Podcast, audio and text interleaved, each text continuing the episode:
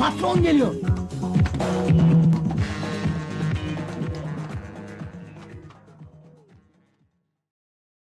LTD ŞTİ 8. bölüm ben Çağdaş.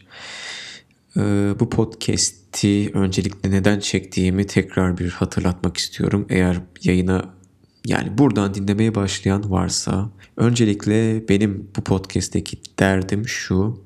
E, şirketlerin yönetim stratejileriyle ilgili e, benim kaygılarım var. Kaygılarımın e, açıkçası en büyük sebebi de daha önce bunları e, yaşamış olmam diğer şirketlerde. Sonra kendi şirketimi açtığımda en büyük korkum şu oldu.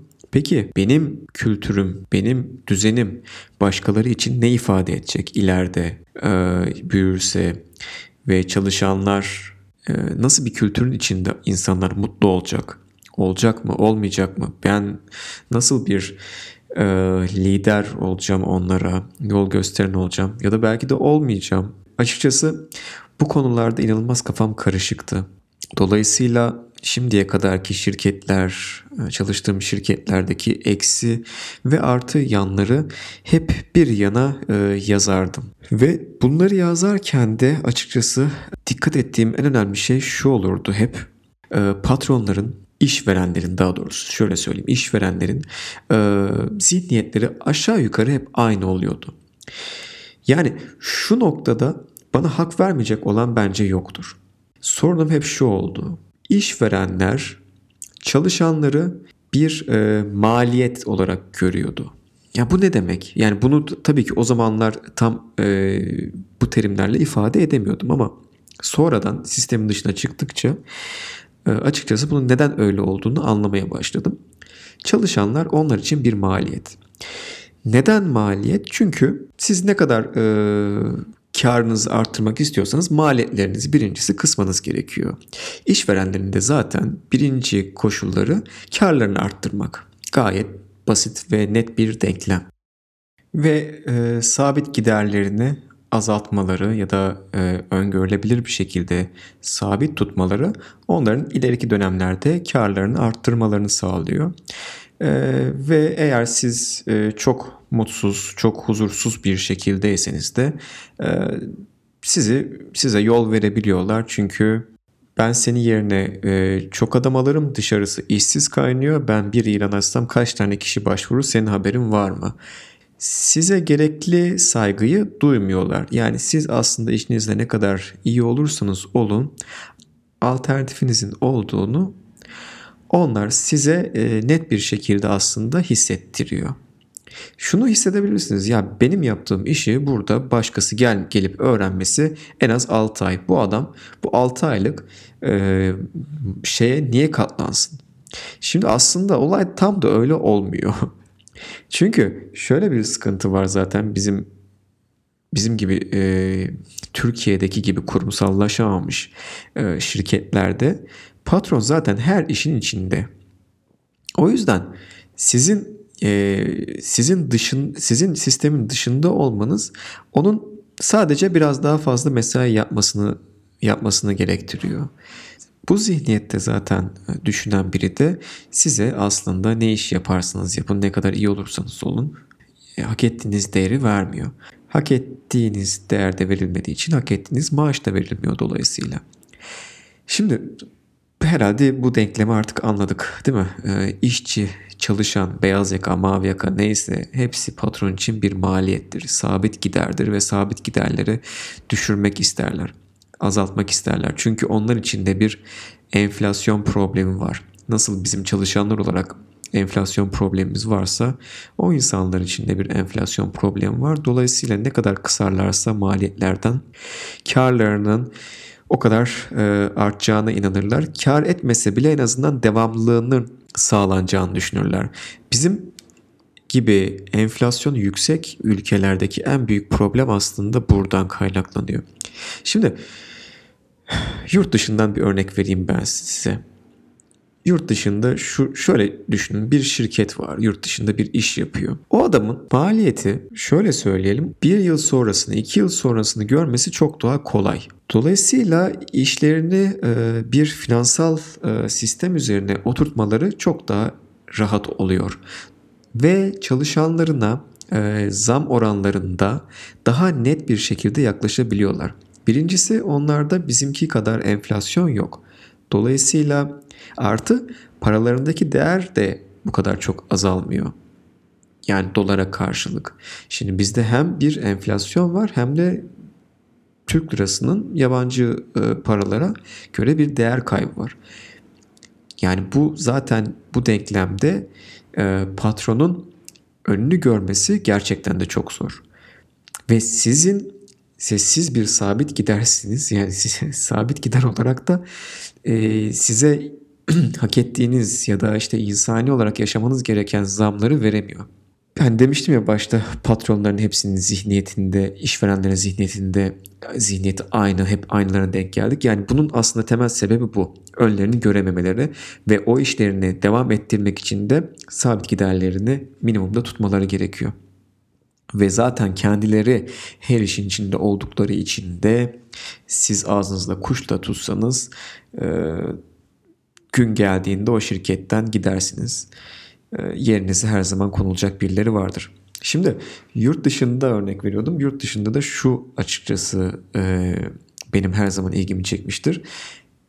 Dikkat ettiyseniz hani gazetelerde şundan bahsederler. Amerika'da ve Avrupa'da e, işsizlik son yılların en işsizlik rakamı son yılların en azında. Bu ne demek oluyor? Yani bizdeki bizdeki sorun nedir? Bizde işsiz çok. Orada e, işsiz yok. Yani çok enteresan. Denklem ne kadar farklı görüyor musunuz? Peki bu ne demek oluyor çalışan açısından? Çalışan şu rahatlığı bir kere artık kendinde e, görüyor. Kendinde bir şekilde bunu hissediyor. Çalışıyorsa ve o şirkette mutluysa orada devam edebiliyor. Mutsuzsa başka bir şirkete gitmek için artık elinde baya bir koz oluyor. Neden? Çünkü diğer şirketler eleman bulmakta zorlanıyorlar. Neden? Çünkü dar bir e, işçi havuzu var. Dolayısıyla çok eli, eleme şansınız yok orada elemanları. E, özellikle işini iyi yapan elemanları çünkü onlar zaten mevcutta çalışıyorlar ve mutlularsa da zaten onlar duruyor. Oturdukları yerde oturmaya devam ediyor. Fakat bizim burada olaylar nasıl oluyor?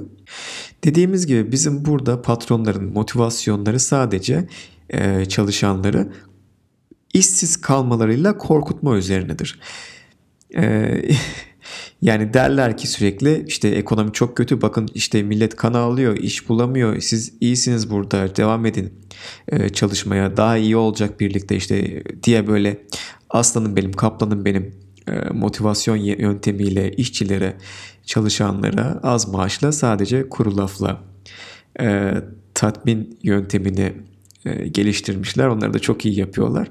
Ama bizdekiler de yani yapacaklı bir şeyleri yok adamların. Çünkü gerçekten de bir işsizlik var. Adamlar yani işsizliğin birinci temeli dediğimiz gibi e, kar olarak kendileri bir şeyleri öngöremedikleri için zaten eleman havuzu da geniş olduğu için e, bizimkiler çok rahatlıkla ucuza işçi bulurum mantığıyla gidiyorlar. Peki hakikaten bu böyle mi? Yani ucuza işçi bulmak her türlü patronun işini işine yarar bir sistem mi? Yani bunun stratejisi ne? Ben bunu her zaman açıkçası e, yani garipsemişimdir. Neden patronlar e, hakikaten de işini yapan insanları tutmak için ellerinden gelenleri yapmaz? E, yerine adam koymakla tehdit eder alttan insanları. Ya çok enteresan gelmiştir bu. Birincisi galiba e, bizim asıl sorunumuz şu. E, biz kendi yani çalışanlar olarak da biz kendimiz mesleklerimizi tam sahiplenemiyoruz. Ne demek bu? Yani biraz konu değiştiriyorum şu anda onu fark ettim. Ama kısaca bahsetmek istiyorum. Ee, bizler çoğumuz özellikle okuduğumuz e, bölümleri bitirdiklerim, bitirdiğimiz üniversitelerdeki bölümleri yapmıyoruz. O bölümlerde çalışmıyoruz. Hepimiz aslında farklı işler yapıyoruz. Dolayısıyla biz bu işleri aslında e, öğrendik. Girdiğimiz girdikten sonra öğrendik. Bu bir tabii ki işte bizim motivasyonumuz, öğrenme yeteneğimiz ile alakalı olarak hızlı ya da yavaş öğrendik. O işi sevdik ve yapmaya çalışıyoruz ya da sevmedik ve bıraktık başka şeyler arıyoruz. Fakat dediğim gibi burada inanılmaz bir kendi eğitimini aldığı işi yapmayanlarla dolu Türkiye. Bunun birinci problemi de zaten işte yani neden böyle oluyor? Ee, bizim maalesef üniversite sistemimizin ve eğitim sistemimizin sıkıntıları kimse sevdiği istediği bölümlere giremiyor. Zaten kendini bulma e, sorunları yaşayan insanlarız biz. Eğitim sistemimizin tek düzeliğinden e, mütevellit. Dolayısıyla bizler e, ne olduğumuzu anlamadan, kendimizi tanımadan üniversiteye girip o üniversiteyi de harala gürüle bitirip hiçbir tecrübe edinmeden iş dünyasına atılmaya çalışıp sonra e, iş bulamayıp ne iş olsa yaparım e, fikriyle bir işlere dalıp orada kariyer e, yapmaya çalışan insanlar topluluğuyuz. Çoğumuz hakikaten de böyle.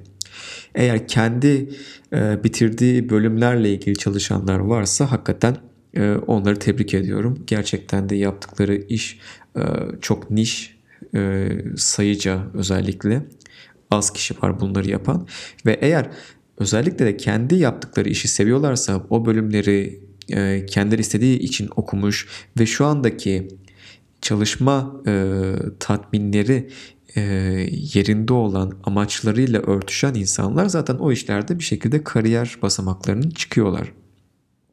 Yani ya o şirkette ya başka şirkette bunu bir şekilde yaparlar.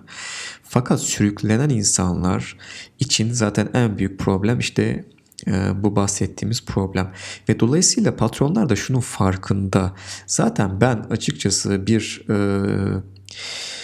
atıyorum işte bir pazarlamaya ben bir pazarlama yani işletme okumuş birini mi alsam ne bileyim yani hani kimi alacaksın oraya? Sadece oradaki ne oluyor kriterleri işte iletişimi iyi olsun, insan iletişimi iyi olsun, presentable olsun, ondan sonra işte evli olsun. Yani hani tamamen karakteristik e, noktalara bakıyor. Yani eğitim kısmına çok fazla aslında odaklanmıyoruz. Belli ancak niş bölümlerde eğitim e, aranıyor. İşte ne bileyim makine mühendisi olsun, elektrik mühendisi olsun. Fakat buralarda bile problem var. Yani siz eğitimli insanları evet şirkete katmak isteyeceksiniz ama onların e, istedikleri maaşları e, çoğumuz çoğu şirket veremiyor. Nedeni de az önce bahsettiğimiz gibi çünkü havuz geniş. Onlar olmazsa başkaları nasıl olsa işte bu paraya çalışır deniyor. Bizim en büyük problemler, problemlerimiz maalesef burada. Şimdi ben bu kadar şeyi niye anlattım? Yani ben birazcık e, doluyum bu konu hakkında. Çalışanların da hataların olduğunu biliyorum. Patronların özellikle inanılmaz e, dar çerçevede baktıkları için e, çalışanlarını işlerinden soğutmaya varan problemler yaşattıklarını biliyorum ve hakikaten de bu inanılmaz aslında bir çalışan için kötü bir durum. Yani şöyle düşünün siz e, işinizi e, hayatınızla eşleştiriyorsunuz. Gününüzün büyük vakti işlerde geçiyor ve kötü bir yönetim, kötü bir e, liderlik sergileyen bir e, işverenin yanında siz nasıl ileriye gidebilirsiniz? Siz nasıl kendinizi geliştirebilirsiniz? Öğrenebilirsiniz? Hayatta mutlu olabilirsiniz? Yani bu inanılmaz korkunç bir senaryo. Lütfen e, sadece para odaklı bakmayın bazı şeylere. Mutlu musunuz hakikaten? Yaptığınız iş sizi tatmin ediyor mu? Öğrenebiliyor musunuz? Gelişebiliyor musunuz? E, bu konular e, çok önemli. Paradan aslında çok daha önemli. Çünkü en azından yani hani şunu söyleyeyim yani bir üst düzey yönetici e, durumunda değilseniz daha o yerlere gelmek için çalışıyorsanız böyle imkanlarınız olmayacak. O zaman zaten kazanacağınız parayı başka yerlerde de kazanabileceksiniz. Ve kendinizi geliştirebileceğiniz, öğrenebileceğiniz yerlerde e, çalışmak size çok daha fazla şey katacaktır. Ama buradaki en önemli ayrım şu olacak. Gidip de size asgari ücret ya da e, ekonomik olarak tatmin etmeyen bir maaş politikası sunuyorsa bir iş yeri de zaten burada da bir problem vardır. Zihniyet problemi vardır.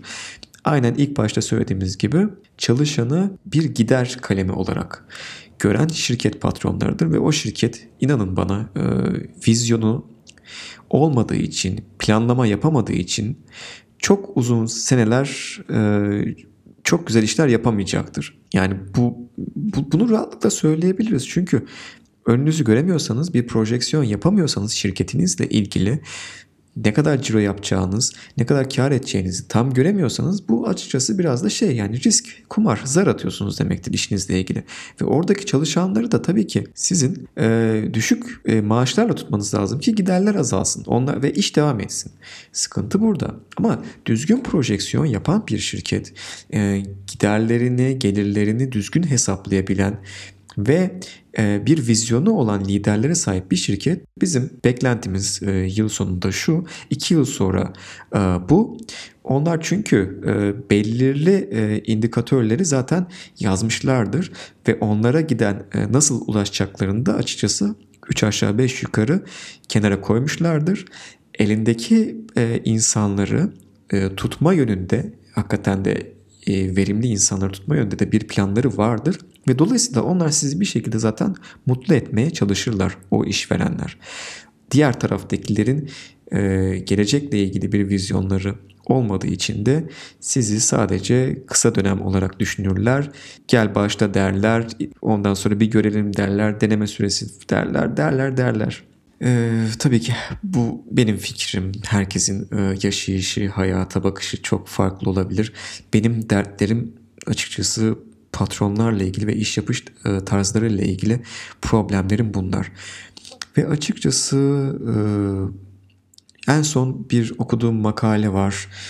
E, yani İngilizcesi açıkçası bunun manalı geliyor bana onu söyleyeceğim. Social enterprise dedikleri bir terimden bahsediliyor bu makalede. Deloitte adında bir firma. E, bunlar e, bir araştırma raporu yazmışlar. Yani nereden buldum nasıl ettim bilmiyorum ama çok ilgimi çekti. 112 sayfalık bir araştırma raporu. Oturdum okumaya çalıştım, anlamaya çalıştım. Çünkü açıkçası benle de alakalı. E, yani günümüzdeki şirketler nereye gidiyor, trendler neler? Şimdi trend derken yani şirket yönetim trendleri açısından bir araştırma raporu var. Burada adamlar şundan bahsetmişler. Ee, biraz uzun olacak bu podcast ama yani bundan bahsetmek istiyorum. Ee, bu araştırmanın başlığı şu Putting Meaning Back to Work. Ee, çalışmaya tekrardan bir anlam katalım diyorlar. Yani biz neden bahsediyoruz onlar neden bahsediyor diye bazen hakikaten de böyle e, sinir olmuyor değilim. Şimdi çalışmaya anlam katmak ne demek? Yani ben bunu aslında inanılmaz önemsiyorum. Zaten benim e, şirket kurmadaki amacım da aslında buydu. Başkalarının düzenlerinde, başkalarının vizyonlarının e, beni tatmin etmediğini farkına varmıştım çalıştığım yerlerde ve ben e, o zaman kendi vizyonumla ilgili bir şeyler yapayım. Kendimi sizden daha e, üst bir şeyle uğraşırsanız, kendi tatminlerinizin dışında bir amaçla uğraştığınızı fark ederseniz o size e, bir tamamlanmışlık duygusu veriyor. Birazcık felsefeyle alakalı ama bu Maslow'un mesela ihtiyaç, insan ihtiyacı e, hiyerarşisi vardır. Orada mesela insanın en üst noktası tamamlanmışlıktır. Kendini gerçekleştirmektir kendini nasıl gerçekleştirebiliyorsun? Öncelikle bazı şeyleri yerine getirmek. İşte bunlar nedir? İşte karnın doyacak, sıcak bir yerde yaşayacaksın. Yani barınma ihtiyaçların olacak. Barınma ihtiyaçlarından sonra güvenlik ihtiyaçların var. Yani kendini güvende hissetmen gerekiyor. Bir zararın etrafından gelip e, seni öldürmemesi, sana zarar vermemesi lazım. İkinci şey bu. Üçüncüsü sosyal olman lazım. İnsanlarla e, tanışıyor olman lazım. Arkadaş ve ailedeki bir sevgiyi e, yani sevgi tatmininde e, ve sosyal tatmininde bulunman lazım ve bir e, sonraki e, yanlış hatırlamıyorsam e, saygınlıkla ilgili çünkü artık bir e, iş yapıyor olacaksın ve o işte tecrübe e, kazanıp saygınlık bekleyeceksin insanlardan. Bu işi iyi yaptığını ve insanların senin takdir ettiğini çevrenden görmek isteyeceksin. Bu da tamamlanmış duygusu yaratıyor ve daha sonra da işte kendini gerçekleştirmek denilen kendinin olabilecek en iyi versiyonu haline gelmekle alakalı bir tamamlanmışlık piramidinden bahsediyoruz.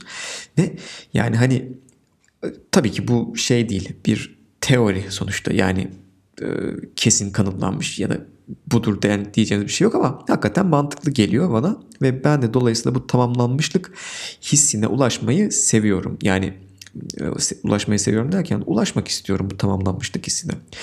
Ve buna da ulaşmak için aslında paradan daha e, üst bir amacınız amacınızın olması lazım hayatta.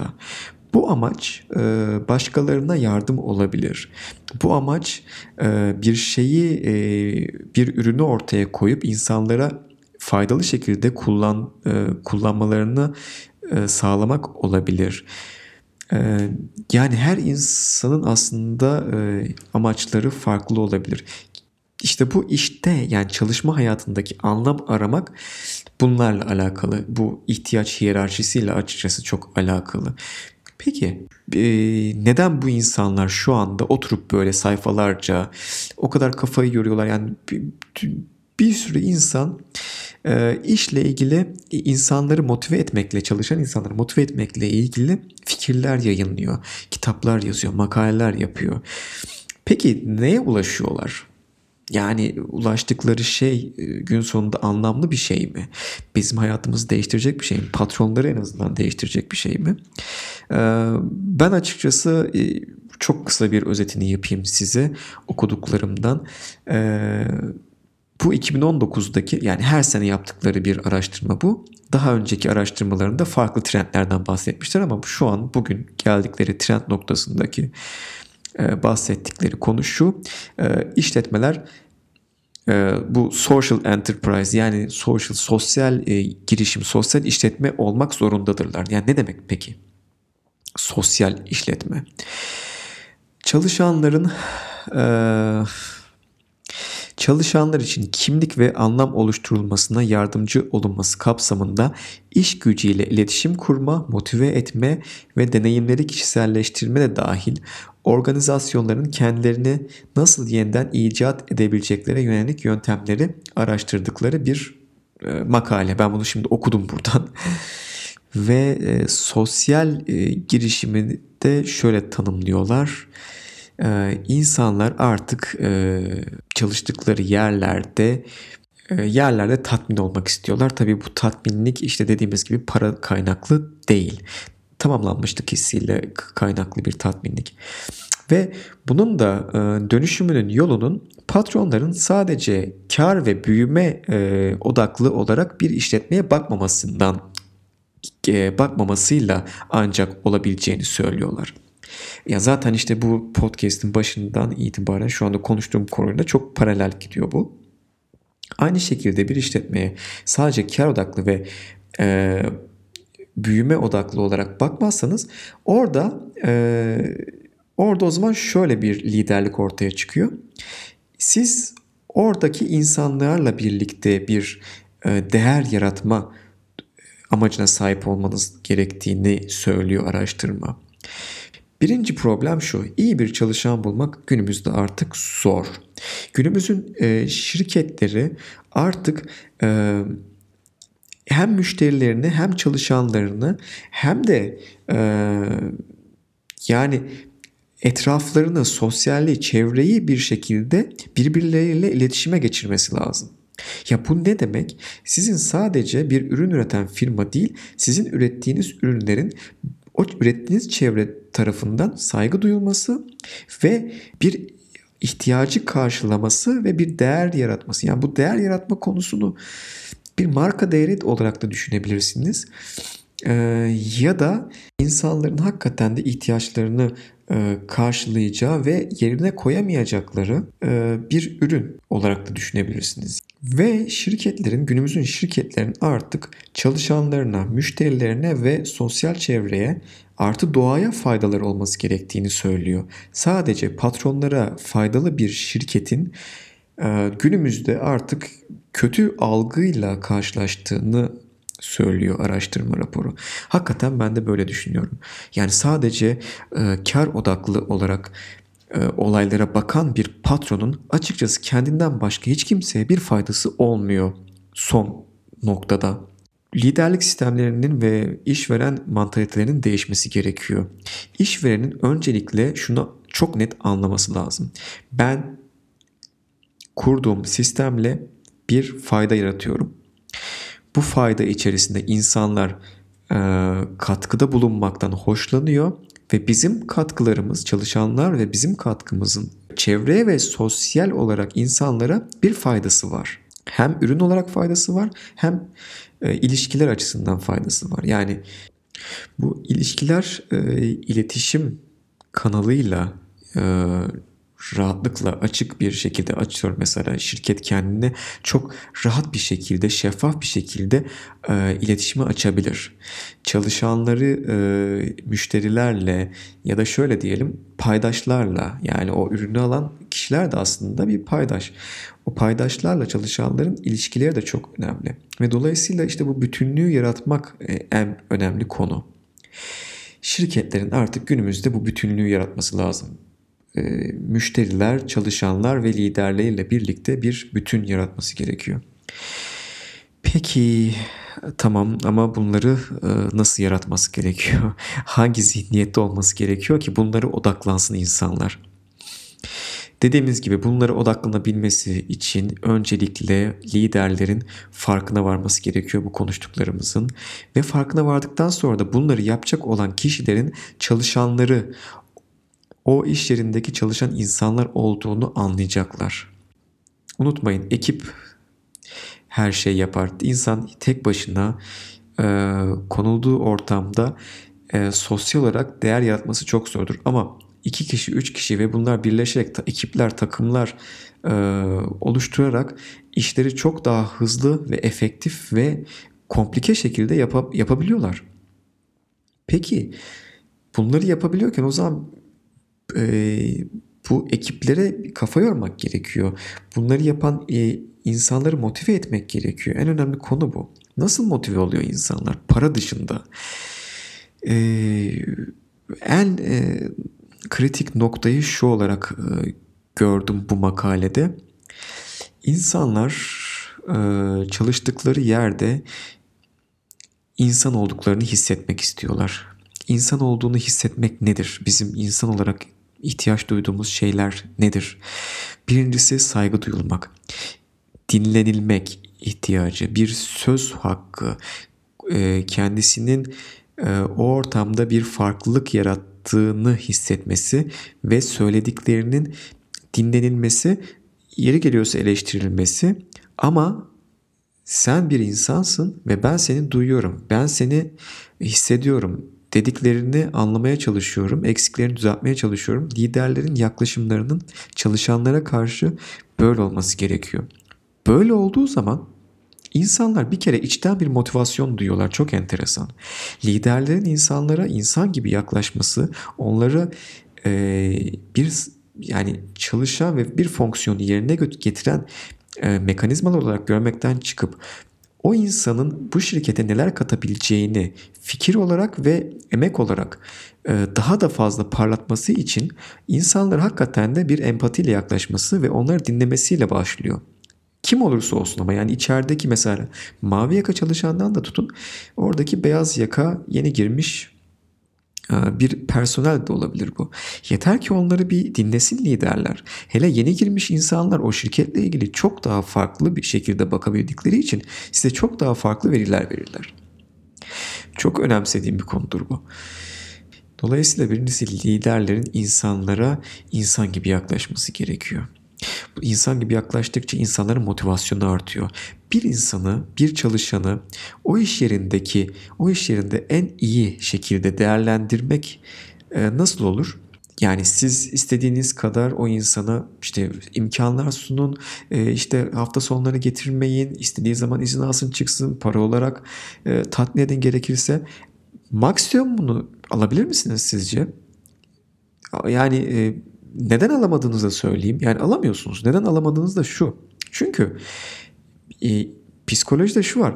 Eğer içten gelmiyorsa motivasyon dışarıdan sizi bir şekilde e, bir e, sistemin içerisinden e, dürtüyle bir şeyler yaptırmaya çalıştırıldığını hissediyorsanız e, siz ondan e, siz ona tam olarak adapte olamıyorsunuz. Her zaman bir kısmınız o sistemi algıladığı için oradaki yani şeyi sahtekarlığın olduğunu hissediyor insanlar. Yani bana bunlar veriliyor ama bakalım karşılığında, karşılığında ne alacaklar benden diyor.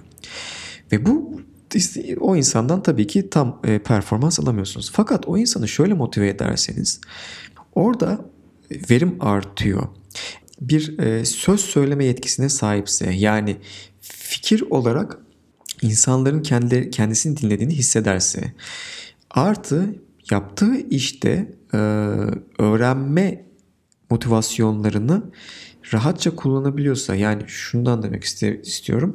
O işi e, daha da ileriye götürecek şekilde bir e, öğrenme e, hevesine girebiliyorsa ve öğrenme platformunu o işle ilgili bulabiliyorsa. Bu çok enteresan çünkü nasıl öğrenmeyi hızlandırıyorsunuz şirkette? O işi daha yapan insanlar vardır ve o insanlarla siz iletişime geçersiniz ve onlar size bazı bilgileri aktarırlar ya da liderleriniz sizi daha iyi olmak için doğru şekilde teşvik ederler. Ve siz kendinizi geliştirmek için daha e, fazla zaman bulabilirsiniz. Bunlar sizi açıkçası daha ileriye taşıyacak olan şeylerdir. Bir e, zıplama e, rampası vardır. Siz o rampaya ulaşmak istersiniz. Kendi içten gelen bir motivasyonla daha fazla çalışırsınız. E, şirketin bir e, sosyal amacı vardır. Siz onunla entegre olursunuz. Daha fazla motive eder sizi. Çünkü e, aynı ortak değerlere sahipsinizdir. Ve sizler iş, işlere kendinizi daha çok verirsiniz. E, bu bölümü burada bitireyim. E, çok uzun oldu. Biraz da dağıtmış olabiliriz ama e, aşağı yukarı bahsetmek istediklerimden bahsettim. Ee, dinlediğiniz için teşekkür ederim. Bir sonraki bölüm görüşmek üzere. Mail atmak isterseniz ltdşti.soho.com Görüşmek üzere.